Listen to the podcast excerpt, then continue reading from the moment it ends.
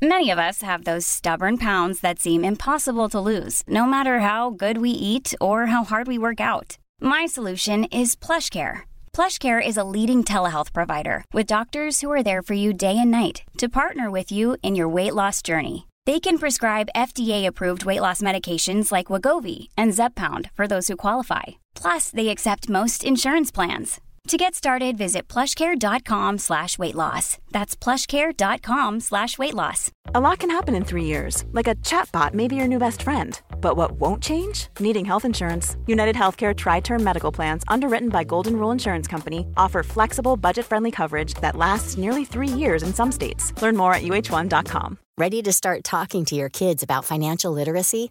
Meet Greenlight, the debit card and money app that teaches kids and teens how to earn, save, spend wisely, and invest with your guardrails in place. Parents can send instant money transfers, automate allowance, and more. Plus, keep an eye on spending with real time notifications. Join more than 6 million parents and kids building healthy financial habits together on Greenlight.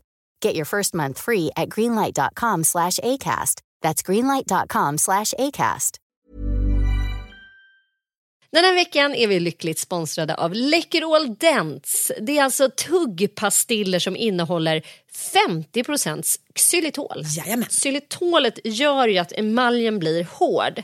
Eh, mineralisering kallas den processen. Det är ju fantastiskt att snaska på någonting väldigt gott samtidigt som du gör mer eller mindre underverk för dina tänder. Och Sanna, du vet ju att Läkerol Dents är min nya kompis den här sommaren. Mm. Mm. Och det passar mig perfekt för du vet ju också att jag är en pastillmänniska utan dess like. Jo tack, jag har märkt det. Mm. Det har jag i rakt nedstigande led från farmor Inga som jag tror aldrig har setts utan en Läkerolask på Katrineholms gator. Sa det där uppe. Kanske finns hon i himlen. Kanske finns, har hon med sig sina pastiller i himlen. Troligtvis. Du är ju en Läkerol Dents strawberry-tjej. Men de finns också, ska sägas, i smakerna mentol och sweet mint. Och till min stora lycka, vecka 20 så lanserades också den nya smaken raspberry salmiak. Den har gått varm i bilen tur och tur till Göteborg kan jag säga. Alltså vi har ätit till förbannelse ra raspberry salmiak. Så god. Då kan jag passa på att berätta då att man inte behöver känna att man överkonsumerar även fast man eh, sitter i bilen och tuggar i sig. För tanken är om det här ska verka verkligen, den här munhygienens xylitol, så ska man ta det efter man har druckit och ätit varje gång. Tre till fyra gånger per dag, två pastiller ungefär. Det är en lagom dos för att det ska funka. ja. Och jag tänker ju att Inga var ju, farmor Inga var ju riktigt smart. Hon insåg ju så tidigt att de här tabletterna också är smarta. Jag tror inte du ska tillskriva henne allt för mycket smarthet. Jodå, jodå. Och så finns de också i en väldigt praktisk liten ask ska sägas. 36 gram, de är lätta att ta med sig i fickan eller i handväskan så att man alltid har dem tillgängliga. Och det är också så fräscht. Det är ju det som är grejen med tuggpastiller av allehanda slag. Att man också känner sig fräsch. Man doftar gott. Man är på gång. Man är beredd på både det ena och det andra. Absolut, det gillar man.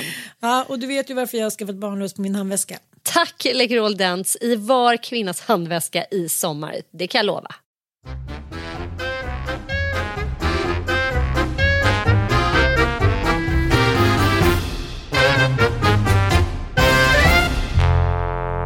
Ha, är det bara jag som känner mig trött av det här vädret? Det drar ju onekligen ner stämningen, det gör det. Men på ett sätt så tyckte jag ändå att det var lite härligt igår. För att den här tiden på året så är ju alla människor så galna i utomhus. Allt ska göras utomhus. Det ska hållas picknickar. Man får liksom inte gå in, man får inte missa juni eller majljuset. Och så ska man bara vara ute, ute, ute, ute, ute. Och man gör liksom ingenting inne helt plötsligt.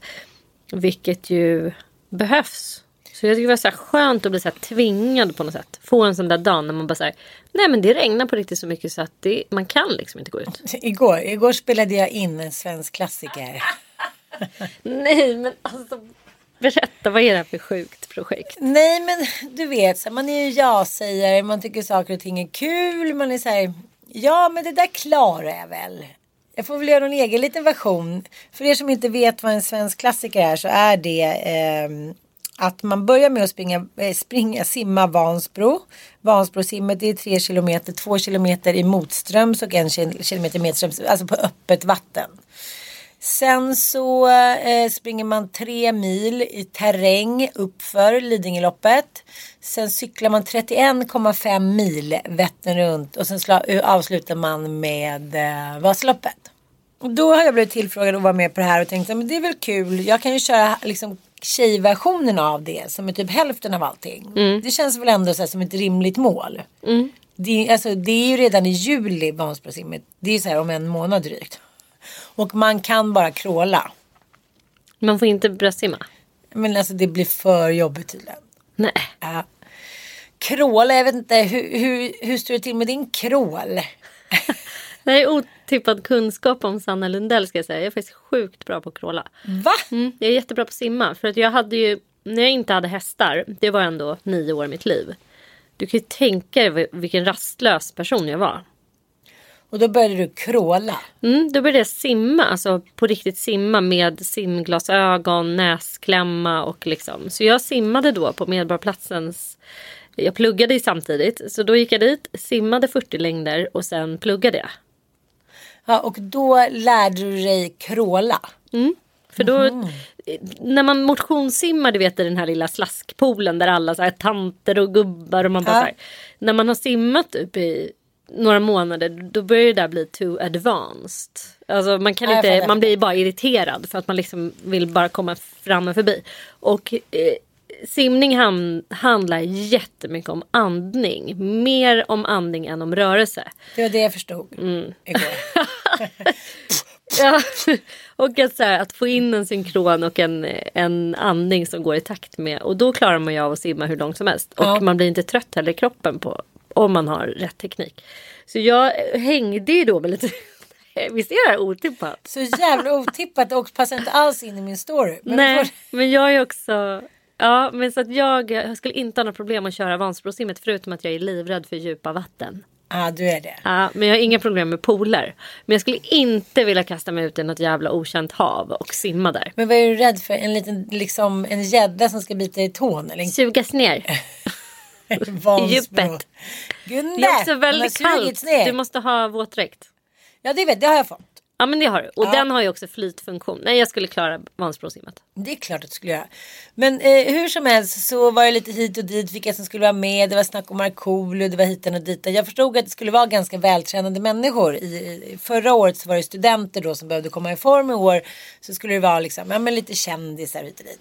Men sen så till slut så blev det en uppställning som består av mig, Johan Olsson som då ja, men vann fem milen i längd för några år sedan. Och som också var med mot slutet i Mästarna, Mästare men bröt handen. Sen är det då Elin Palrobertos eh, ex-tjej som kan stå på ett finger och liksom ja, men. Yogar 43 timmar om dagen. Ja, men så deffad. Och sen den fjärde då är ehm, det är Manne Forsberg, eh, min kompis som är så här elitlöpare. Och sen är Mattias Hargin då som är, ja, men, eh, han slutade väl 2019 och tävlade då eh, i slalom, i elitslalom. Så att eh, ja, det är vi fem. Känner du lite ja. finn fem fel? Och så tänkte jag så ja men det kommer bli någon som är lite mer som jag och så här. Så kan jag, mm. Men, men eh, igår så insåg jag att så här, det här är det jag har att jobba mot. En så här lönnig fembarnsmorsa utan liksom eh, magmuskler. Och det blev ju väldigt tydligt då. Men, men simningen kan man ju säga, det är väl bara öva upp tills man kan tekniken. Men sen skulle vi avsluta dagen i en skidbacke i det här spöregnet som är du vet. Som var liksom, det var så lerigt så att det var så här. Och skulle vi springa rätt upp och ner då. Så här, men 65 grader typ. Så här, rätt upp. Jag orkar inte. Nej men du vet benen jag säger. Nej men det här är inte möjligt. Det här kommer liksom, jag kommer dö. Så man skulle liksom springa upp och ner typ allt man kunde på så en halvtimme. Nej men det, jag började jogga upp för det. Sen bara, du vet det var som att gå upp för typ en stelopererad så här stege. Som Ja, vet, jag kom hem igår skulle jag på middag. Jag var, så här, jag var så slut. Sen upp i morse och så har jag spelat paddelturnering. Jag kände mig som men det är väldigt skönt att vara så här slut. Men jag började också inse att så här, det är riktig galenskap jag har gett mig in på. Men du kan ju hålla dig nära klungan under veckan. Jag bara, klungan? Så vem fan tror du att jag är? Så en, vad är ens en klunga? Jag är glad om jag ens kommer upp på cykeln. Så att det har också så här, sjunkit in hur mycket det kommer inte bli någon rosado-sommar direkt. Det kommer bli så här Ann piskas på typ Gotlands gator av sin son Ossia. Ja. Då man, men tänk vad kul för dig ändå, när utvecklingskurvan. Jaha, ja, jätte, jätte. Och så avslutas det då med Vasaloppet och det, det är den som de flesta misslyckas med. Den känner jag, den sätter jag väl. Men den har du ju hållit på och tränat på. Jo men allting är ju så mycket längre. Alltså jag åkte tre mil Vasaloppet. Jag cyklade nio mil när jag cyklade. Nu är det så här 31,5 mil. Cyklingen ja. It's a mighty long way. Tänk Men jag har hört att det är Vätternrundan i den som folk inte pallar. För att man tror att men cykla klarar man. Men du får så jävla ont i röven. För att man är liksom inte van att sitta på en sån där liten sadel och så ska man ta sig fram. Och man kan liksom inte hitta någon bekväm ställning. Man får så här sjuka skavsår. Men fram till nu så har det också bara funnits manssadlar. Mm. Men nu har det kommit tjejsadlar så får man ju en sån här stjärtaments liksom luff. En, En gel. Ja men så får man ju även en värdering. Liksom stjärtvärdering. Men så pratade jag med Sofia Wistam. Hon, hon sa det, men det här, det här gjorde jag ju när jag var nykär i Magnus. Jag bara så här. Lennox är, okej det måste vara typ så här 19-20 år sedan. Okej. 6 och 7. Ja, mm. Och hon sa det, jag hade liksom inte känsla under livet på en månad. Jag låg där och bara så här. Åh. och inte i fingertopparna. Hon bara, jag var lame. Ja men det kan, varför ska du göra så här mot dig själv? jag. Och Du då ska min- förstöra din sommar på det här viset. Och då var mitt förslag att jag kunde göra då tjej, liksom tjejklassikern. Men det tyckte alla var såhär, nej vadå du har sånt pannben. Jag bara, så, men det spelar ingen roll om jag är så här en enhörning. Det är ändå liksom. Jag har ju heller liksom inga magmuskler. Min liksom pull håller på att ramla ur. Jag fattar inte vad jag håller på med. Ah, ja, så jag är väl lite, lite så här skräckblandad förtjusning verkligen. Jag tycker också att det är inte bra. Alltså människor som håller på med den här träningshysterin. Nu ska jag grovt generalisera. Men det har ju varit liksom några år utav galenskapsträning. Och det har lyfts fram på olika sätt. Och eh, mm, ja, fått en uppburen position i vårt samhälle. Ja. Det här tränandet liksom. Och det är ett sätt att visa status. Att man tar sig tid för tränandet. Och att shapea sin kropp handlar det extremt mycket om. Men det, det som få glömmer bort. Det är liksom att den där typen av elitträning. Det är inte bra för oss gamla människor. Nej. Det sliter ner Särskilt kroppen. inte kvinnor. Nej, det är inte bra för oss kvinnor. Det tar slut på... Alltså dels, du får ju adrenalinpåslag varje gång du tränar. Och det tycker folk så här, åh gud vad härligt, det är uppiggande, jag känner mig så himla pigg. Bara, ja, men det är liksom stressande för kroppen att så här, hålla på med galen konditionsträning och bränna 2500 kalorier. Det är som att din kropp är så här, vad fan är det som händer? Du är utsatt för hot. Mm, och sen då bara, shit, jag känner mig så levande. Men det, ja, det är väl liksom måttlig träning, absolut. Men det här elit, nej, jag tror du kommer bli sjuk av det här. Jag, jag tycker inte det här är bra för dig. Så vad har du gjort sen sist? Jag, jag, håller ju, jag har ju slutat träna. Det är helt min grej. Efter mitt diskbråck har jag lagt ner det där. Jag var ju jävligt på gång innan diskbråcket men sen är jag bara så här, äh, jag kan inte hålla på med sån skit. Jag går ju mina liksom 15 000 steg om dagen.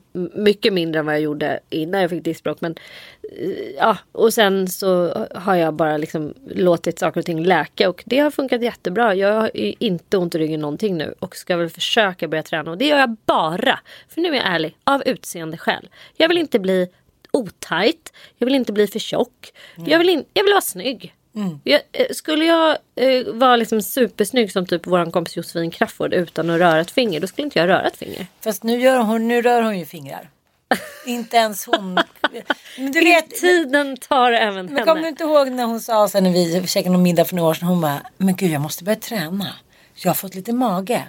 Vi tar en ny bild. Hon fick ju sån panik. Hon så här 40 plus. De andra får ju börja träna. Liksom, de flesta av oss får ju börja träna runt 25. Ja.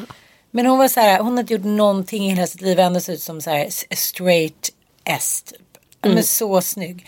Men nu så tränar hon också faktiskt. Men vi kan väl i alla fall vara med om att det här hyckleriet som i alla fall jag har pysslat med. Så här, "Men det är bra för själen att träna och så. här. Nej, det är bra för själen att äta bullar och ligga i soffan och kolla på Netflix. Eh, träna gör man för att man vill bli snygg. Precis. I alla fall och, jag. Ja men jag håller med. Jag tror att de flesta gör det. Och också det här att de liksom inte äter efterrätter och hit och dit. Det är, så, här, de har, det är så många som har. Jag har liksom ingen koll på hur mycket kalorier ska man i och hur hit och dit och vad man äter. Men de flesta så här, det här är ju en liksom en tyst överenskommelse. Mm. Att man ska så här, låtsas om att man inte vet vad man stoppar i. Jaha, nej men gud.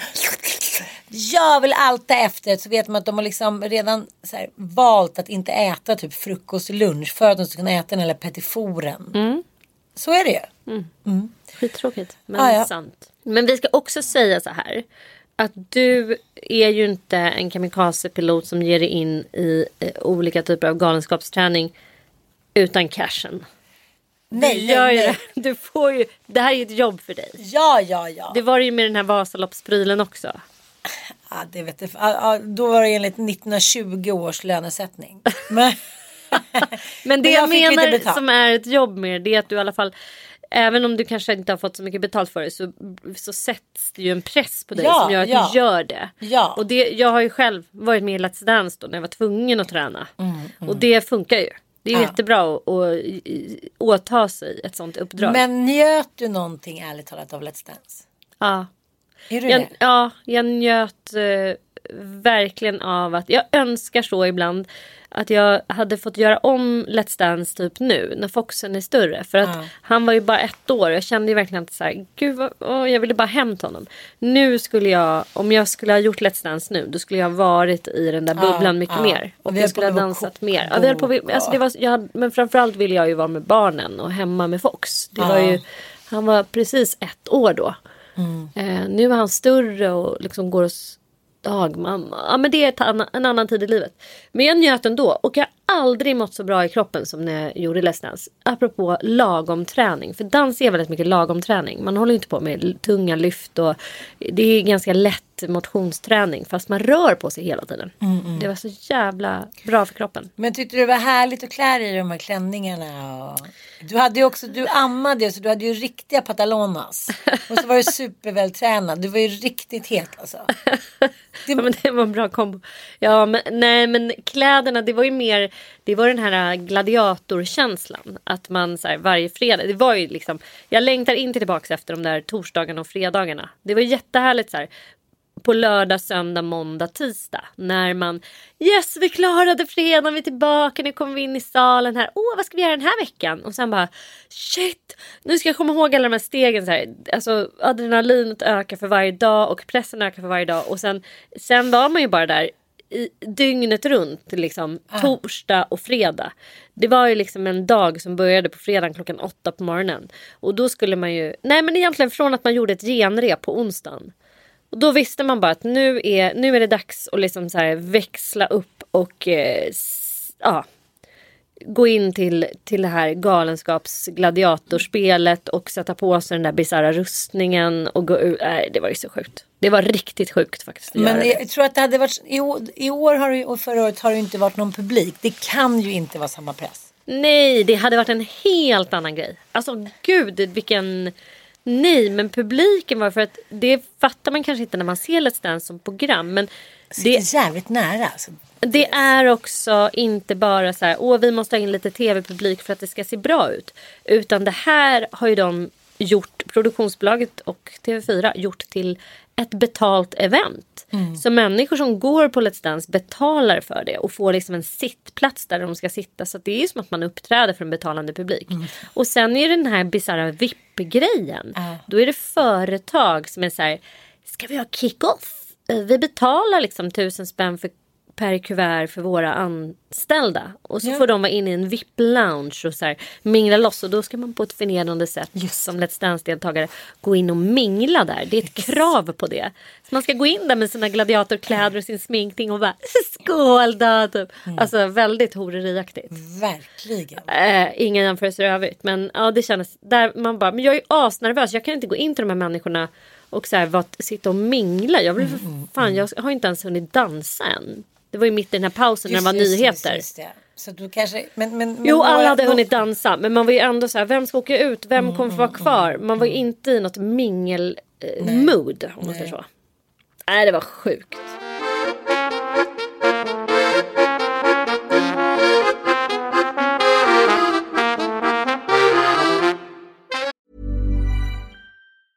Life is full of awesome what ifs, and some not so much, like unexpected medical costs. That's why United Healthcare provides Health Protector Guard fixed indemnity insurance plans to supplement your primary plan and help manage out of pocket costs. Learn more at uh1.com. Get up to 30% off wedding jewelry at Bluenile.com and remember the joy of your wedding day forever. Blue Nile offers everything from diamond and lab grown diamond wedding bands to classic pearls, earrings you can design yourself, even gorgeous sapphire pieces for your something blue. Whatever you choose, Blue Nile's pieces are all graded for excellence for a lasting memento as brilliant as the love that inspired it. Right now, get up to 30% off at Bluenile.com. Bluenile.com. If you're struggling to lose weight, you've probably heard about weight loss medications like Wigovi or Zepbound, and you might be wondering if they're right for you.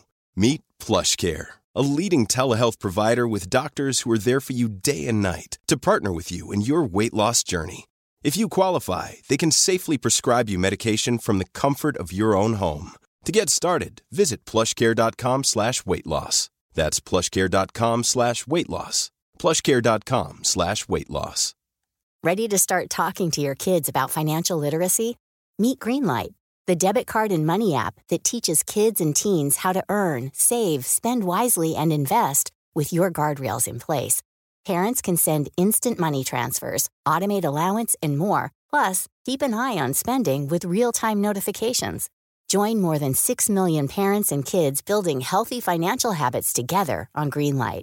Get your first month free at greenlight.com slash ACAST. That's greenlight.com slash ACAST. Nog om det. Nu vill jag prata om något uppfriskande apropå att kvinnor eh, att kvinnor då eh, vill träna sig i form och att vi vill vara snygga och vi vill lägga på filter och ha oss. Men sen är det de som tar det längre. Jag hörde Hanna Hellqvist i P3. Hon har ett eftermiddagsprogram där som är väldigt roligt. Med sin tax Ines och en, någon typ av bisittare som är med. Han, de diskuterade att eh, de här skådespelerskorna, några som är med i eh, Heder. Ja. Alexandra Rapaport, Julia Duvenius och Anja Lundqvist. Lundqvist. Och sen så är det även eh, Eva Röse. Eva Röse. Ja. Men att Hanna tog ju upp att så här, nu får det för fan vara nog. Hur mycket grejer har de sprutat in i ansiktet? Man ser liksom inte hur de ut... Man, Jag ser inga uttryck längre. man ser inga uttryck längre. Nej.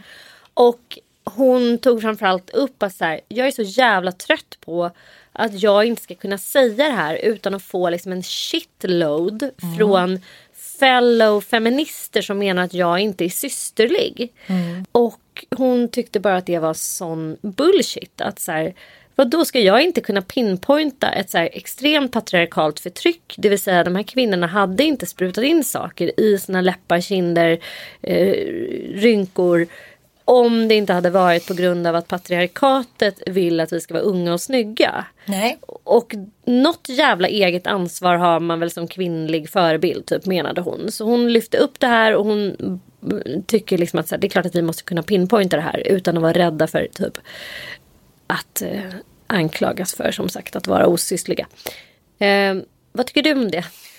Ja, men du och jag har ju eh, båda liksom, vad ska jag säga, inte stuckit under stol med att vi eh, har sprutat in eh, botox. Nej, Nej, vi måste ändå så här eh, förklara vad vi själva står innan vi kan börja så här. Det där tycker inte jag och hit och dit. Det blir lite dubbel. Nej, ja men Moral. självklart. Nej, jag är, eh, men å andra sidan har inte... Vi är inte skådisar. Nej, vi är inte skådisar. Det, det, det, jag tror att det är det det handlar om. Att så här, om man ser en skådis som till exempel en sån skådespelare som Nicole Kidman. Ja, men som jag, eller ja, vi har ju alla följt henne under ganska många år. Nu kan ju inte jag titta på henne utan att bara tänka på hela, hela tiden hur mycket hon har gjort. Kommer inte ihåg, eller en annan lite yngre skådespelerska som helt plötsligt hade gjort överläppen. Och då var det enda jag tänkte på under hela filmen. Att nu har hon gjort överläppen. Sara eller Sandra Bullock, det är några som skådisar som, som verkligen har liksom eh, förstört sina uttryck kan man säga så. Men sen blir det så himla hemskt för att jag reagerar lite samma sätt åt andra hållet. Ja, de som har gjort någonting. Ja. Som när jag sitter när jag ser den här filmen med mm, Lena Endre. eh, Glaciär. glaciär. Och Lena har ju liksom flera gånger sagt så här att ja, men hon säger så här, det är inte, jag tycker inte det är roligt liksom så här, och, och, att man ser sig själv åldras och så här. Men jag bestämde för att jag inte ska göra någonting. Och det är liksom, ja det är inte lätt alla dagar men jag hittills har jag stått emot. Och då blir det liksom exakt samma jag- jag får samma känsla i kroppen. Så men gud, hur kan hon inte ha gjort någonting? Och nu ska hon göra det och hit och dit. Gör hon ingenting då? Precis. Ja. Så jag vet inte, så här, det är skit... Men jag, jag- tycker det är svårt. Ja. Men jag samtidigt tycker- så är det så här, när jag ser skådespelerskor som har sprutat in så mycket och så kanske man har sett dem, om vi ska ta en av tjejerna där, har ju spelat roller tidigare, bland annat en mamma till Ja, Mm.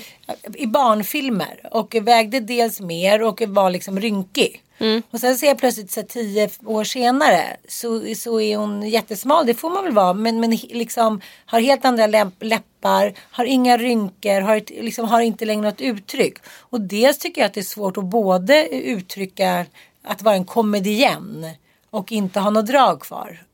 Men även att uttrycka så här, sorg eller liksom glädje eller någonting. Det blir ingenting. Det blir ju bara så här som att det är fyra, det, vad, vad heter de där dockorna? Marker Mind. Du vet man så handdockor på 80-talet. Det var jättestort. Man så här, va? Hon kan prata genom buken. Så, oh, oh. Det är ju lite s- så. Så det, det, jag tror mer att det handlar om att det ger mig inte så mycket. Nej.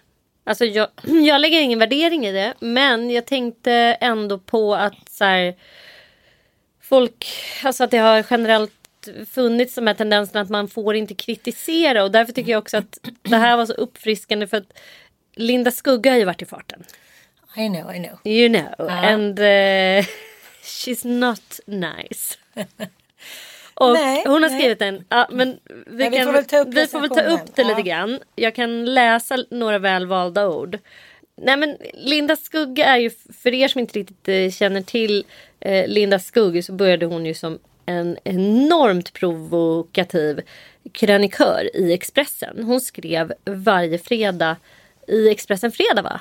Eh, började hon. Eller Ja, så hon var det ut och i listan. Ja, ut och in i lista och sen hade hon också, hon skrev en, en krönika som alltid var jävligt vass, otippad och liksom snudd på galen.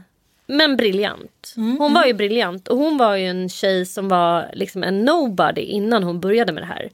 Hon var ju en grå mus som bara var konstig, liksom någon typ av freak eh, kid typ.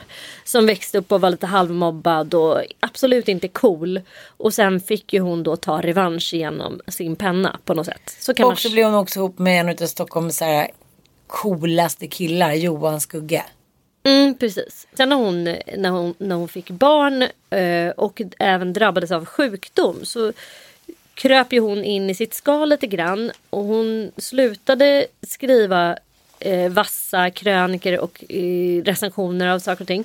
Eh, och ägnade sig åt eh, att driva Vulkan, alltså ett eget bokförlag och lite andra projekt. Hon- Startade en PR-byrå. Mm, startade hon en sa att hon helt ändrade, nu skulle hon vara moderat och liksom casha in. mm, och var snäll. Precis. Hon Och frågade- världstillvänd Ja. istället för världsfrånvänd. Och hon slet och slet och slet. Jag tror inte att det blev så mycket cash. Så att jag tror att till slut när barnen blev lite större så gick hon tillbaka till att vara en så här samtida liksom eh, röst för de som vågar vara modiga och elaka typ. Hon skriver nu eh, i Expressen Kultur och recenserar eh, litteratur eh, framförallt. Och ibland skriver hon krönikor. Hon har också haft en blogg i Aftonbladet som jag var väldigt glad att hon hade. Men här är hon tillbaka. Här kan man Precis. säga att här är hon tillbaka i sitt esse. Hon har skrivit den mest elaka krön eller recensionen tror jag eh, på den här sidan 2000-talet. Hon har också skrivit den legendariska, alltså legendariska recensionen om Björn Ranelid. Ja, jag glömde det. Ja men som, som också handlar om att hon beskriver hur de träffas på någon eh, middag eller någonting och hon beskriver hon att han sitter där liksom med sina rakade armar, solbränd lockigt hår, linne skriver hon med sjaler och läppglans. Mm. Alltså att så här, den, den, han blev ju så sårad och, men den var i alla fall fylld av humor. Mm, men men den, här, den, här den här- har en ja. och annan hu- Jag tycker den är ganska rolig också. Men eh, det här, det här, jag ska läsa några välvalda rader så ni kan riktigt förstå. Kristina Sandberg har alltså skrivit en bok som heter En ensam plats som handlar om hennes bröstcancer. Vi, vi läser så här. Sandberg själv ställer redan på sidan 8 den enligt mig relevantaste frågan gällande sin föreliggande cancerbok. Det går att skriva allt och ingenting. Eller vore det bättre att bara sudda ut? Jag har svaret på detta. Naturligtvis ska Sandberg skriva allt men det blir inte automatiskt konst bara för att man både upprepar och kursiverar. Jag vill inte dö från mina barn. Att skriva sådan, sån där apelsin-tv. Apelsin-tv är tv där en röst berättar vad som samtidigt syns i bild. som Sandberg gör blir som en hemuppgift på den sämsta sortens skrivarkurs som hon ju dessutom har gått. Där Maj-trilogin, ja, hon har ju skrivit Maj-trilogi eh, som har blivit väldigt uppmärksammad och läst och älskad. Var en orgi att namedroppa släktingar. Det var i någon form eh, av litteraturtappning. Kurre och Tyko och Dagny och någon jävla tremänning som bakade och fejade och stod i. Så är Sandbergs cancerbok som Maj-böckerna fast på riktigt. Insert skriet emoji inom parentes. Det är Inger och Märta-Stina och Hardy och Gunilla och vi får låna farbror Eriks gräsklippare. Ja, hennes pappa dör nästan 80 år gammal. Och Kerstin och Lage som kunde konsten att vara sällskapsmänniskor inom citationstecken. Och det är kaffet i församlingshemmet efteråt. Hur många kommer och vad ska vi bjuda på? Och fjärdingsmannen som sitter i barnavårdsnämnden tillsammans med prästen och herregud Gunnar som blev kvar hemma. Han var bara 28 när han renoverade huset. Det är en chockerande nivå i stil med Mats och jag har just älskat. I don't wanna know. Eller jo, det vill jag. Men i så fall, vilken ställning? Var? Hur? Hon är helt rolig. Hon Det här är tycker, alltså summa en- summarum tycker hon så här, ba, du, du, du, vill- det känns som att du är ensammast på jorden för att du fick cancer. Men, men du är inte det. Så de här banala grejerna blir inte stor litteratur. Nej, och så här, bara för att man skriver en självbiografisk sjukdomsskildring så blir det inte bra. Det är det hon, och hon vågar ju till skillnad från kanske andra då recensenter Som har gett en faktiskt bra kritik. Som har gett en bra kritik. Ja. Och hon vågar då ändå inte bara trampa utan krossa eh, en cancersjuk kvinnas litterära eh, försök. Eh, kan man säga. För det här är en extremt dräpande recension. Och jag skrattar absolut inte åt eh, att Kristina Sandberg eh, hade cancer. Alltså självklart inte. Men det ligger, jag skrattar bara åt att Linda Skugge inte bryr sig ett skit om vad folk kommer tycka om hennes recension och att hon har en sån befriande jävla oängslig inställning till att både tycka saker, vilket jag saknar. Jag saknar det så mycket och jag kom verkligen fram till att nej, på 90-talet var inte folk så här ängsliga. Nej, nej. Folk vågade säga helt galna saker. De vågade vara obekväma. De var inte PK i parti och minut. Krönikor såg ut så här. Mm, Nu om någon skriver en krönika som ser ut så här. Nej men då ska man liksom bli utkastad från Aftonbladet. För att det Mm. var inte okej. För det var någon som blev sårad. En cancersjuk människa slår man inte på. Mm. Och så det är liksom vi har en. Vi har gått in och börjat moralisera på ett sätt som jag inte tror är bra. Men, men, jag tänker, men jag tänker så här. Det är i vanliga fall liksom är det ju män som brukar skriva de här dräpande recensionerna. Mm. Jag tänker på Kroneman. Han har ju sänkt en och annan.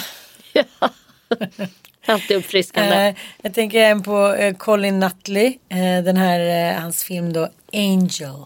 från 2008. ja, men, och han får ju så mycket kritik så att då, blir, då anklagar han eh, Sverige för kulturmobbning. Av hon och han liksom från England då. Och eh, Lena Bergström deltar då i SVT Debatt för att försvara honom. Kommer du ihåg det? Ja. Ja. Och så är det liksom eh, men Kroneman har sågat någon eh, filmen Lust i Nöjesguiden. Han skriver att samtliga skådespelare har sin sämsta dag på evigheter. Manuset är ett utomordentligt skämt. Regissören har inte en aning om vad han sysslar med. Och absolut samtliga gör bort sig.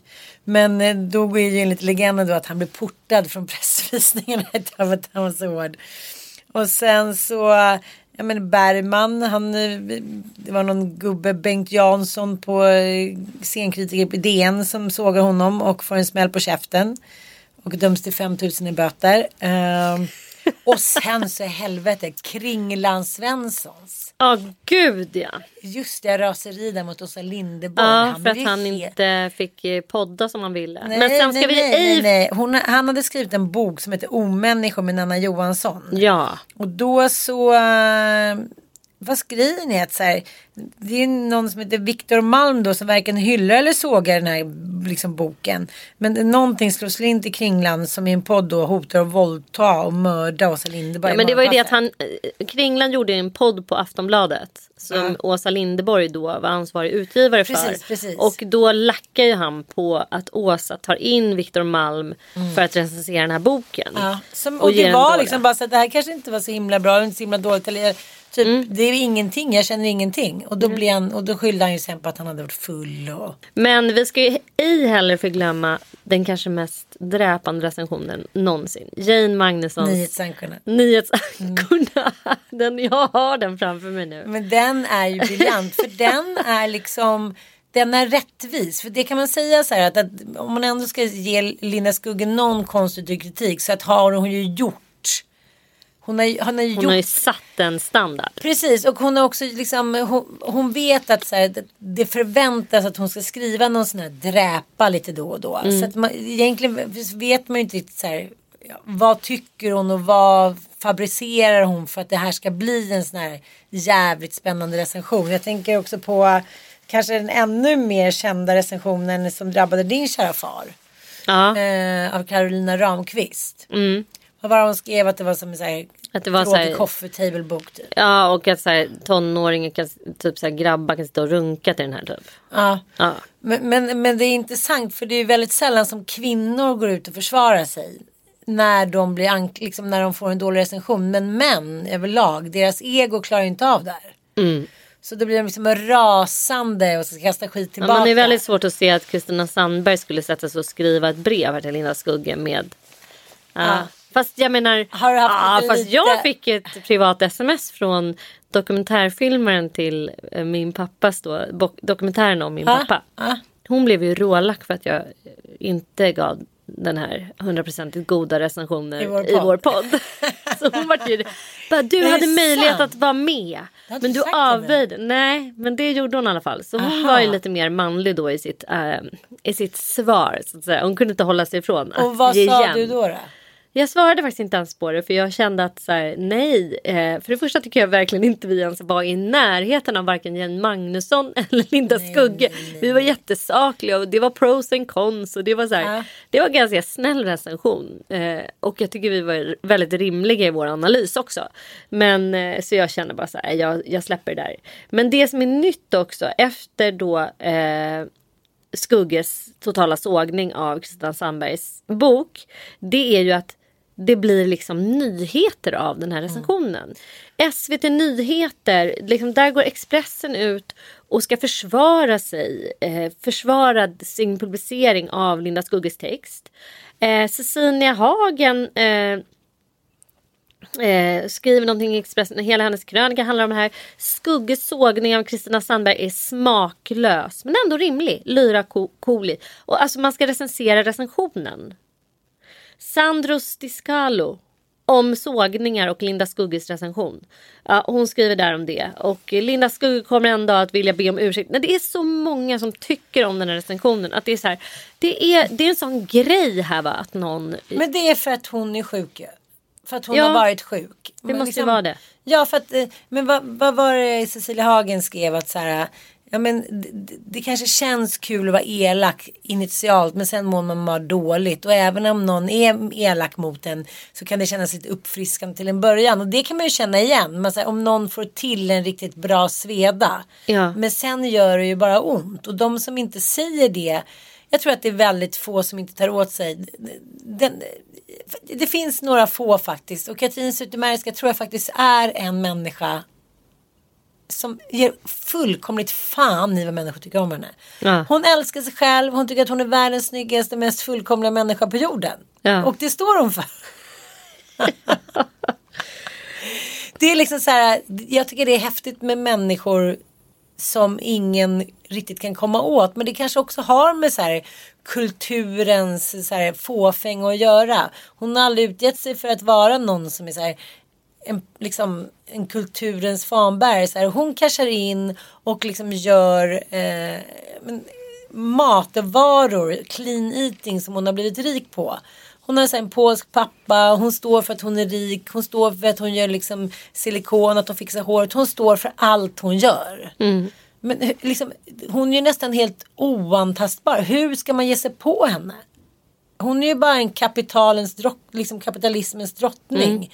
Om man har skrivit någonting hållit på sig tio år och lagt ner sin själ och så får man så här en stor bajskorv. det är klart att det gör ont. Ja. Så jävla ont. Det är, liksom, det är som att det är ens, någon skulle säga att ens bebis var det fulaste och äckligaste man hade sett. Det, det gör ju ont liksom. Ja. Men, men, men vad, vad ska man säga? Summa summarum så har ju alla rätt. Ja, yes, ja gud, jag, jag kan ju verkligen förstå att jag, det är klart att man ska bli jätteledsen. Men det man kan förstå, för att när jag läser det, den, alltså nu är hon ju liksom kanske onödigt elak med personangrepp eh, i den här recensionen. Alltså hon stör sig typ på att Kristina Sandberg får ligga fast hon är en tjock medelålders kvinna och hon eh, rekommenderar henne att köpa en sexleksak i slu- slutet av recensionen. En We-vibe som hon själv har in i fittan då och då för att pigga upp livet skriver hon. Alltså, nej, men det är så här, vad har det med den här boken att göra? Vad är, vad är, alltså det, Jaha, hon- för att säga att hon, hon, är, hon är för ful och sjuk för ett knull typ. jag, jag vet inte För riktigt vad hon vill med det. Det blir liksom bara helt eh, ovidkommande. Det handlar inte ens om boken. Det handlar inte ens om, om hennes text utan det är liksom att hon stör sig på att det är Svullos självbiografiskt. låt för fet för ett fuck. Det här är en pastisch. Sjuk för ett fuck. Svull, fan vad Nej, älskade honom. nej, men ja, jag men jag tycker att det är uppfriskande. Jag kan ändå tycka att det Men jag tycker också att det säger någonting om, eh, om det klimat vi eh, lever i. Där det inte längre är högt i tak utan att folk rasar. Det är därför det inte är något roligt längre att kolla på tv eller lyssna Nej. på en liksom, ståupp eller någonting. För ingen vågar säga någonting längre för att man måste vara politiskt korrekt. Ja, ingen vågar så här, stå för någonting galet eller säga någonting fel eller framstå som Eller se, crazy. ja. Eller, och det kan kanske ha att göra med att vi lever i en tid av sociala medier, att man vet att allting finns kvar. Mm. Tänk dig själv på den gamla goa SVT-tiden. När du, så här, du var med i en intervju och sen gick den kanske i repris en gång, sen var borta. Mm, Nu liksom säger du någonting eller skriver du en recension. Det var ju samma sak med det som trycktes i tidningar. Det var ju inte någonting, alltså, då fick du gå till ett bibliotek och sätta dig med en sån här jävla rulle för att hitta någon gammal artikel från stenåldern. Nu finns det ju ett klick bort. Så att du är alltid, allt du har skrivit kommer alltid kunna tryckas upp i facet på dig. Och det kommer alltid på något sätt kunna bli aktuellt.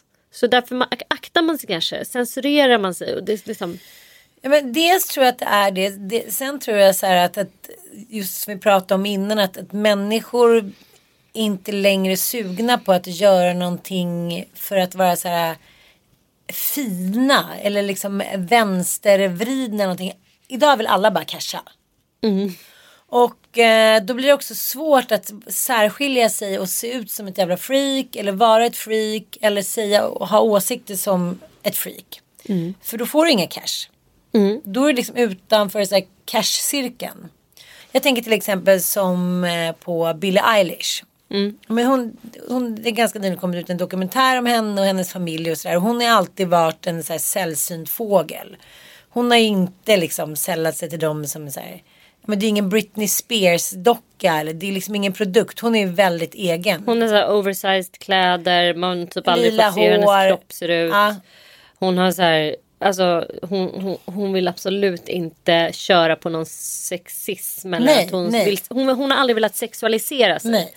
Enligt klassiskt maner. Precis. Och nu i senaste omslaget, var det på L? Vogue. Vogue så har hon, ja men så ser hon ut som alla andra snygga unga liksom. Det är korsett, det är stora är- tuttar, ja, det är liksom... Blont, liksom lite lagt hår. Det är så här, ja men hon spelar på, som vi pratade om innan, Mm. mannens syn på vad som är en sexig kvinna.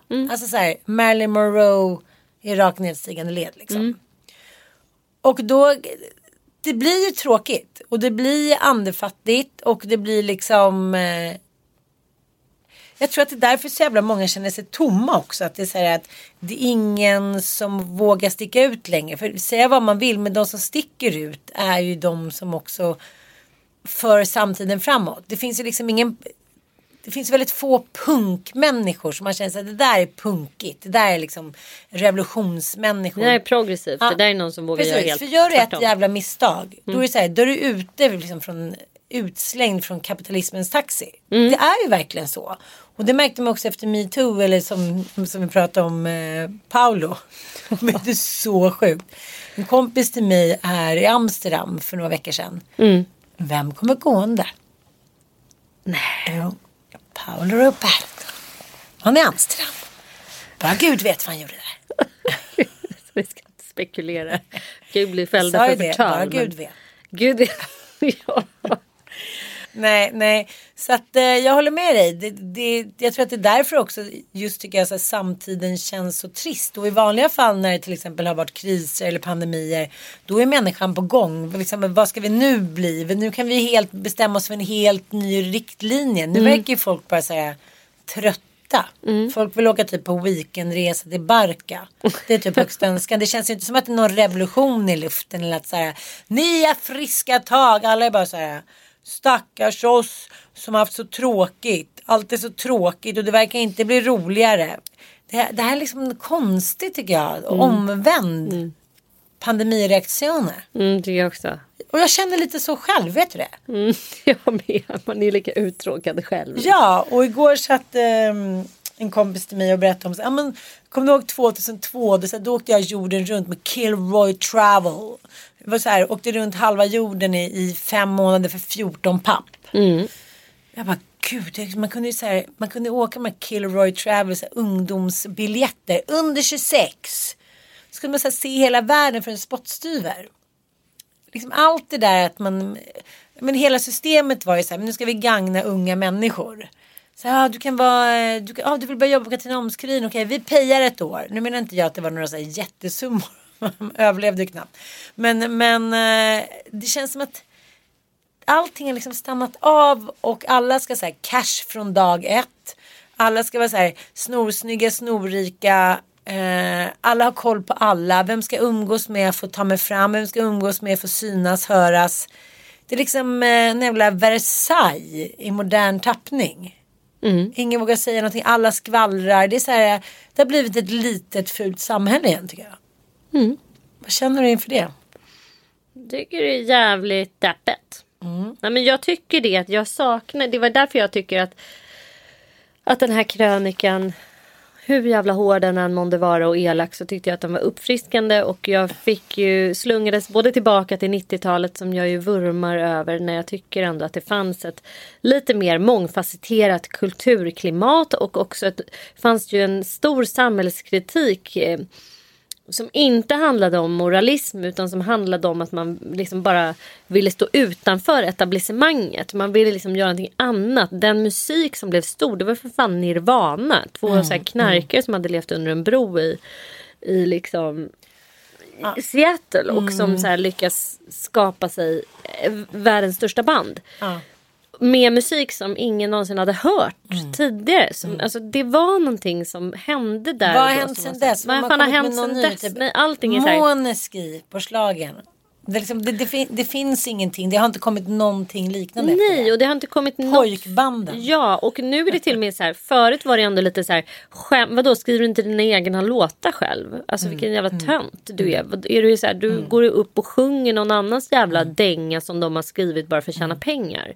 Ja, men bara en sån grej att Max Martin vinner Polarpriset och det är inte att någon är så här, skriver någon liten kritisk eh, krönika om att så här, men hallå, han är så här kommersialistisk musiks stora fader. Han, liksom, han har bara skrivit musik för att det ska sälja. Inte för att människor ska typ få sina liv berättade eller eh, få ordning på sina känslor eller lindras eller känna. Förstår du? Jo men Dr Pop-formel. Mm. Dr. Ja. Pop och det handlar liksom väldigt lite om konst och mer om sälj. Så kan man väl sammanfatta det. Och det har blivit bara någonting som är helt självklart. Det är liksom 80-talets yuppie-era är så här, men gud det är coolare att vara producent och låtskrivare än att vara musiker som framför egna verk. Ja. Det är det ju nu faktiskt. Men jag tänker sen när man, när man läser om, eh, när man går in på Sotheby's och allting och läser om så gamla konstverk som går för så här 900 miljoner. Så bara, eh, Kenny Mooney sålde inte en tavla eh, under sin levnadstid.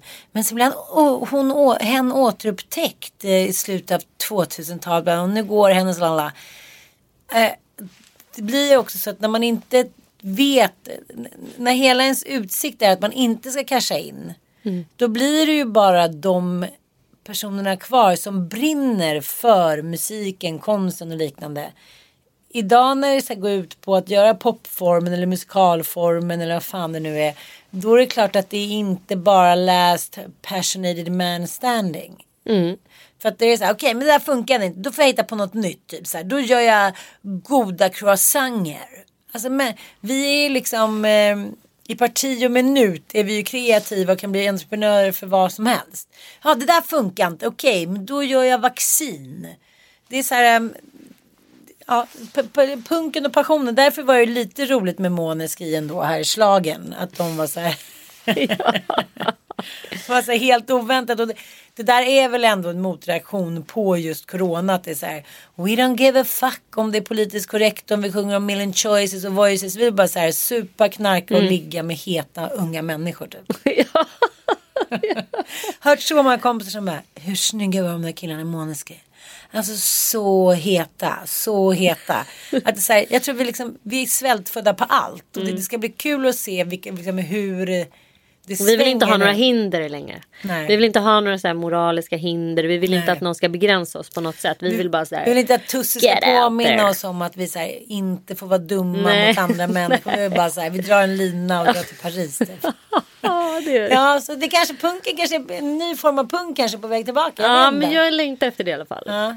Jag längtar efter det. Och sen längtar jag absolut inte efter att den här jävla farkosten, Prevalence eller vad den heter, ska flyga till, till Mars. Har du, hört, har du läst på någonting om det här? Men jag, Perseverance heter den. Perseverance. Mhm. Farkosten som nu har åkt dit för att ta liksom, prover. Och det är tydligen någon svensk eh, tjej som har eh, varit med och ta fram provkit. Eh, alltså de är, NASA är på Mars och håller på och grejer där. Och de förbereder ju en, en resa där människor ska åka till Mars. Och de håller då på att utse en liten trupp av framtida astronauter. Och det här är så jävla spännande för att jag har ju massa otippade människor som jag umgås med på grund av gemensamt testintresse. ja. En av de här tjejerna, hennes svärföräldrar jobbar som psykiatriker. Båda två är experter på bipolär sjukdom. Och hennes svärmor har då fått den stora äran att arbeta för NASA för att försöka hitta ett sätt att kunna förutse om någon kommer att få ett bipolärt skov. Alltså man vet ju att det finns viss typ av genetik som predestinerar för bipolär sjukdom och schizofreni och andra typer av eh, psykiska allvarliga sjukdomar. Som man ju såklart inte vill att någon ska drabbas av mitt upp mellan Mars Nej. Men du jorden. menar att så här, åh, de är rädda för att helt plötsligt ska de komma på att någon i truppen var viss schizofren? Ja! Nej men självklart. De kan ju inte ta in någon som har hjärt och kärlsjukdomar eller predestinera för det. De måste ju ha så friska människor som möjligt. Det för de kommer inte komma hem från Mars. De kommer åka till Mars och den där resan tar ju liksom, jag vet inte hur många år. Nej, jag vet Det är inte heller. jättemånga år. Men det är liksom så här, det är typ så här, du kommer troligtvis inte komma hem. Det är så här, bye bye Major Tom, never see you again. Och det är så sjukt att tänka sig. Och framförallt så är de ju i en jävligt utsatt situation när de ska vara på resande fot i några Men, år. men jag fattar inte varför det här är så himla. För 2024 är meningen att de ska åka tillbaka till månen. Mm. Då har man ju inte varit där på 52 år. De tog en liten paus. Det där är också så jävla spännande. Vilken hås det var så länge det kalla kriget var. Mm. Det stod ju mellan så här, ryssarna, kineserna, amerikanerna. Mm. Det är också någonting som har försvunnit som vi kanske behövde. Tävlingen. Att tävla om vilket land. Ja, det var så här, precis. Att det var så här, det kickade igång alla. Så här, nu samarbetar alla. Jag menar inte att det är något dåligt. Men, men och den, den kvin, de som ska åka nästa gång och som ska sätta sin fotmarsch. Det ska ju då vara en kvinna säger NASA. Men nu känns det som den här marschgrejen har seglat upp och liksom. Ja men marsgrejen är ju så jävla mycket obehagligare. det tar så mycket längre tid och de här astronauterna, den här truppen av astronauter måste ju vara unga friska människor som ju är überintelligenta. Det är någon form av supermänniska som de då ska hitta och vaska fram. Och sen ska de här supermänniskornas föräldrar och älskade vänner också säga typ ja ja jag offrar det här barnet för att resa till Mars. Vad fan ska de göra där? Det är väl inte meningen att vi ska liksom bosätta oss på Mars. Vad är det de vill på Mars? Det gör mig... Åh, jag får så existentiell ångest när jag tänker på det. Rymden generellt. Men Nej, också att det är så här.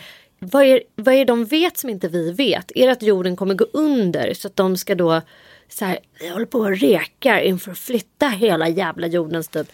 Eh, I alla fall de rika som har råd ska få flytta till Mars. Men det Vi ska börja bygga på en stor... Mitt ex, det var hans högsta dröm ju. Va? Att åka till Mars. Men Och då försökte jag säga så här till honom. Du Vem? har ju ändå tre. Ja. Nej, Jo. nej du Jo. skojar. Nej. Och då var ju vi ändå Det är ihop. han och så här Elon Musk. Ja, men, Elon Musk, den så här ofrivilliga typ bankchefen som bara vad han än gör så anpassar sig hela världen. Bara, Okej, nu går bitcoins ner. Okej, nu går eh, Världsbanken upp. Han är verkligen så här, den ofrivilliga så här, bankchefen som så här, bestämmer över, råder över döda och levande. Hur blev det så att Elon Musk blev detta? Ja men det är det konstigt. Elon är uppe och Asperger på nätterna så här. Boom! Axeln åker ner. Nej men jag vet inte. Det finns någon så här. Ja, men som att vissa. Det finns ju verkar finnas en så otroligt dragningskraft för vissa människor att åka bort från jorden. Så här, ja, det är väl någon Freudian så här. Vad fan vill Nanook göra på Mars? Nej, de, de, de, de, det var ett privat företag då som efterfrågade människor över hela världen som kunde ansöka till det här projektet. Och då eh, så sa han det till, till våra barn att han ville ansöka om det. Nej. Och då blev jag så här, men gode gud, vad ska du dit och göra så här, ska jag vara kvar här ensam? Lite kanske manligt beteende så här, ah, ja men jag, jag kände för det här, jag vill verkligen det, här. jag drar nu.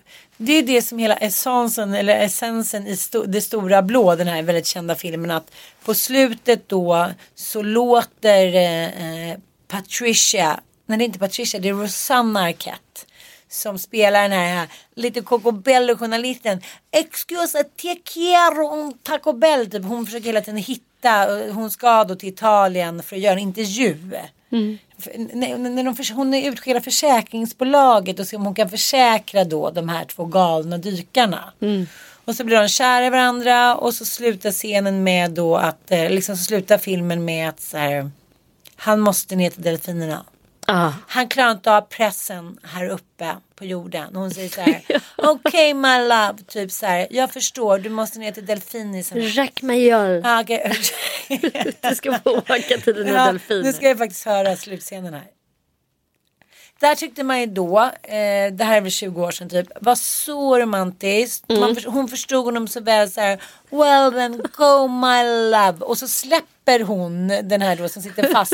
De, var ju, de, var ju, de tävlade i djupdykning. Djupdykning. Ja. var så här, go my love. Så såg man dem så här, dicke dicke dick med delfinen. Så här, Firran tog vår kärlek. Så hon var också gravid. Alltså, så Och han är bara så jävla- här, hon är gravid, kletig. hon är så ashärlig, de är superkära men han ska ändå ner i det där djupet till delfinerna. Ja, Och det, dö. det, det drar. Det är Han som så här. är dödslängtan. Ja. Ja fy fan Go alltså. my love. Och där sitter hon i så här, och är med barn och bara så här, det är okej. Jag uppfostrar den här ungen själv. Inga pengar. Jag är bara, nej, nej. Du vet jag blir tokig när jag Åk ser- inte till Mars. Nej. Håll inte på och gå ner i jävla världsdjup. Det är väl en så här. Jag får... Män måste ta sig till olika element där de tror att så, deras ångest kommer mildras. Tänk dig så här, mitt ex snokfarbrorn på Mars. Nej men för fan, men gud jag vill inte ens tänka på det. Oh, Jack Mayol, go my love. Ah, gud, aldrig man tyckte det var så romantiskt. Fan. Ja, men om du var tvungen att åka till Mars, fick ta med dig tre saker, vad skulle det vara? Ah, telefonen. Det kanske inte skulle funka förresten. Det är ingen uppkoppling. Eh, men man måste ta med sig lite småsnär och chip och så här, lite snacks. och sen blir det väl typ Sveriges, liksom, den tjockaste boken som finns. Och liksom, datorn och det skulle väl inte funka. Jag skulle ta med mig eh, typ ja, men världens tjockaste anteckningsblock, en penna då och världens tjockaste bok typ. Det är väl det man skulle... Datorn skulle funka. Skulle den funka? Ja men inte internet kanske. Nej. Då skulle jag få skriva på På datorn. men, satellit. Du ska skriva så många by romaner. Det bara. Ingen läste den typ för att jag fick aldrig ner den. På. du kunde aldrig streama ner den till jorden. Men det är samma sak när man säger så här, vilka skulle du ta med dig till en öde ö? Jag känner så här, det går ju att leva utan de flesta människor även om man älskar sina vänner och älskar liksom ja, men, ja, men, människor man träffar och hiten och ditan men, men, men, och även sin man. Men den enda gången jag får riktig panik, existentiell panik, det är när jag tänker så här om jag aldrig mer skulle få träffa mina barn. Om jag skulle åka till Mars och sitta där och så här, ja, vem vill du ta med dig till Mars?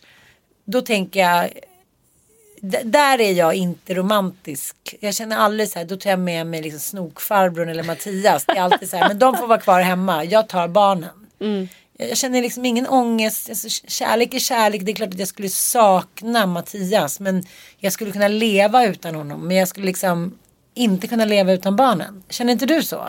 Jo gud jo. Liksom. Ja kom igen. Romantikerna från Minsk. du och jag är inte särskilt romantiska längre. Har du tänkt på det? Nej, det, men det har väl kanske aldrig varit. Ja, men det har vi väl.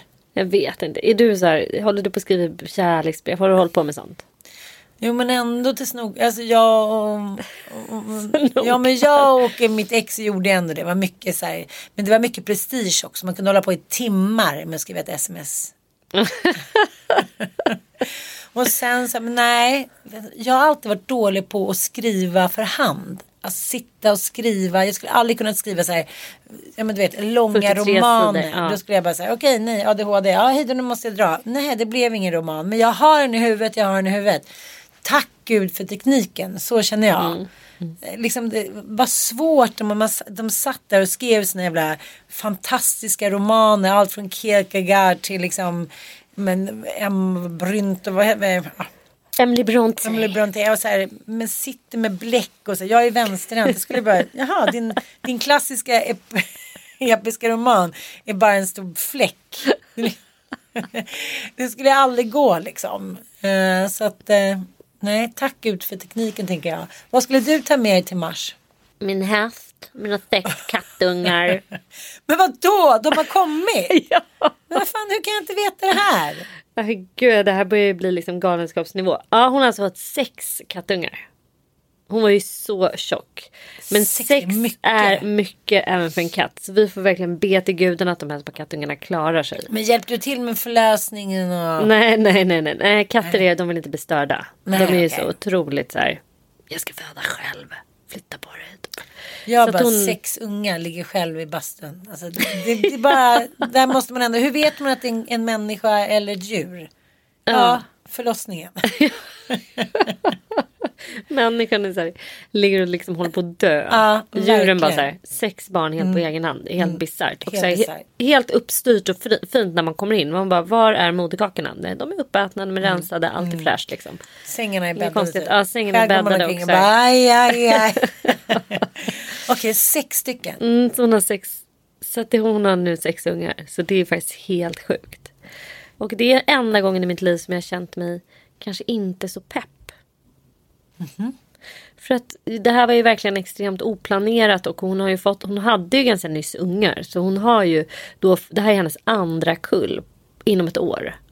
Och jag skulle ju sterilisera den här katten och hade bokat tid. Men då, då misstänkte jag ju att hon var gravid. Och så ringde jag och frågade veterinären, vad gör man? Kan ni göra ett ultraljud? Nej men vi bara, vi tar, vi tar allt då, sa de. Jag bara, "Men vad menar ni? Nej men alltså Ungar ungarna. Alltså de aborterar samtidigt som de tar ut livmodern. Och jag bara, nej, nej, nej, nej, nej. Men vem kan göra Nej, jag klarar inte. Ja, men Nej, det är liksom nej. också så som att ett kattliv då inte har. Så nu har jag ju då ett ganska jobbigt projekt att hålla Pennywise, som mamman heter, inne med de här sex ungarna. Var tills bor de? ungarna är färdigdiade. Och hur lång tid tar det? det tar ju glada tio veckor. Så nu ska jag hela min sommar gå ut på att ta hand om de här sex ungarna och hålla Pennywise innanför lås och bom. Så att jag kan kastrera henne direkt när ungarna är färdigdiade för annars kommer hon sticka ut och bli på smällen igen. Gud jag blir så stressad nu för att häromdagen när, när Elon låg och gosade med kaninerna och så här filmade. Jag menar, han hade zoom, zoom då han sitter med sina polare varje kväll och de snackar i timmar och pluggar och så här. Så började blixten jucka på pricken. Alltså för Pinky jag vet det. Lycka till. Ja, men blixten är ju en tjej. Ja. Och det sjuka är att så här, inom loppet av två dagar sen hon försöker sätta på honom i parti och minut. Var man än går så står hon och försöker jucka. Och man märker att pricken är inte där. Han är liksom, det här har skadat hans självförtroende. Han har liksom blivit en nobody. Ja men hans cojones har skurits av för att hon ska liksom hålla på och jucka mot Ja. Det är väl, det är, jag vet inte om det är med kaniner men hos hundar så är det ju definitivt en sån dominanshandling också. Ja. De rider på varandra och så här. Precis, men problemet är ju att pricken vill inte rida på blixten. Han är bara så stryker runt. Och det har ju varit stora, stora, stora känslomässiga drabbningar här nu. Att vi, Mattias tycker att det är så jobbigt här med att de bajsar och kissar över- överallt. De hoppar upp på sofforna, sätter sig och en zzz. Alla mattor är förstörda. Det, jag visste att det skulle bli så här som jag inte klarar av att ha djur instängda. Ha, så då i alla fall så... Eh, vänta en sekund. Hallå? Eh. Men alltså det här är sensationellt. Du ringer mig under podden för att fråga. Lasagne. Vad ska du göra lasagne ifrån? Jag menar, ska du köpa färdig lasagne eller vadå? Jag fattar, men lasagne tar ungefär en och en halv timme att göra så det kanske inte är superbra idé. Men du kan ju också köpa liksom eh, Underbart. Och så köper du lite filmjölk och lite bär typ. De ska hämta sin pappa. Puss. Sensationellt ändå. Vad är det? Nu får ni vara med här då i direktsändning. Vad är det med mäns osäkerhet kring mat? Blir du ofta arg om Micke så här, köper fel mat? Nej.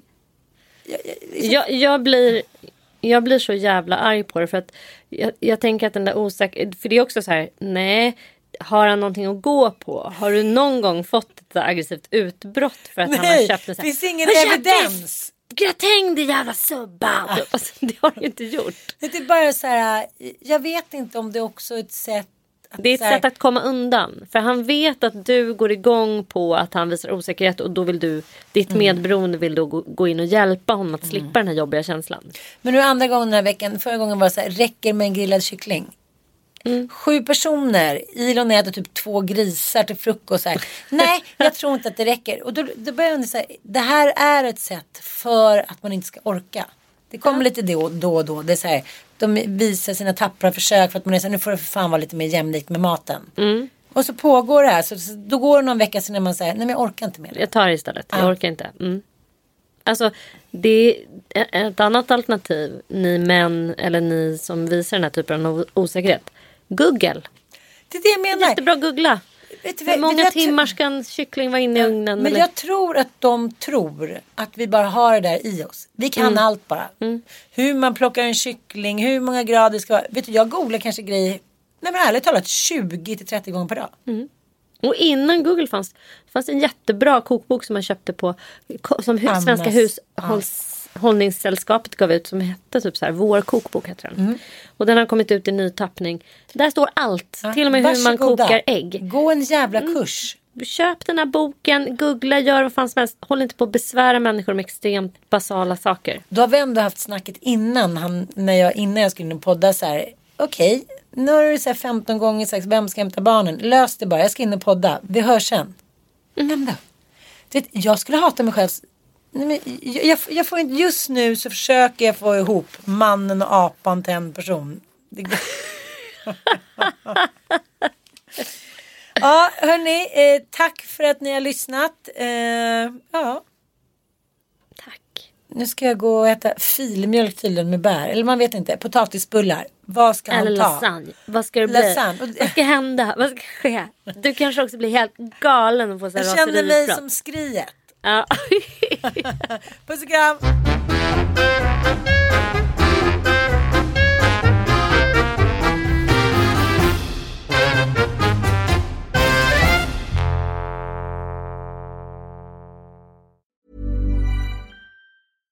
Imagine the softest sheets you've ever felt. Now imagine them getting even softer over time. That's what you'll feel with Bowl and Branch's organic cotton sheets. In a recent customer survey, 96% replied that Bowl and Branch sheets get softer with every wash. Start getting your best night's sleep in these sheets that get softer and softer for years to come. Try their sheets with a 30-night guarantee. Plus, get 15% off your first order at bowlandbranch.com. Code BUTTERY. Exclusions apply. See site for details. Hi, this is Kristen. And this is Jen from My Mom So Hard. And we're here to talk about By Heart. Do you remember when you were nursing and you were like, I want to give the best thing I can to my baby? Well, we've got that for you. It's called By Heart, and it is a infant nutrition company built from the ground up to deliver real innovation on behalf of babies and parents. Curious about By Heart? Redeem your welcome offer at byheart.com slash podcast with code MOMS20 for a limited time. Additional terms and conditions apply. Tell them My Mom So Hard sent you. Hello, this is Danny Pellegrino, host of the Everything Iconic podcast, and I'm here to tell you all about Splash Refresher because hydration is mandatory, but boring is not. Now, I love my water, but if I don't spice it up, I'm not going to finish what I took out of the fridge. That's why I love my Splash Refresher, which is flavorful, delicious, bright, hydrating, and zero calories. The wild berry flavor is my fave. No, wait, is the pineapple mango flavor my fave? You know what? All five craveable splash refresher flavors are my fave because they're so delicious. So get hydrated and enjoy it with Splash Refresher.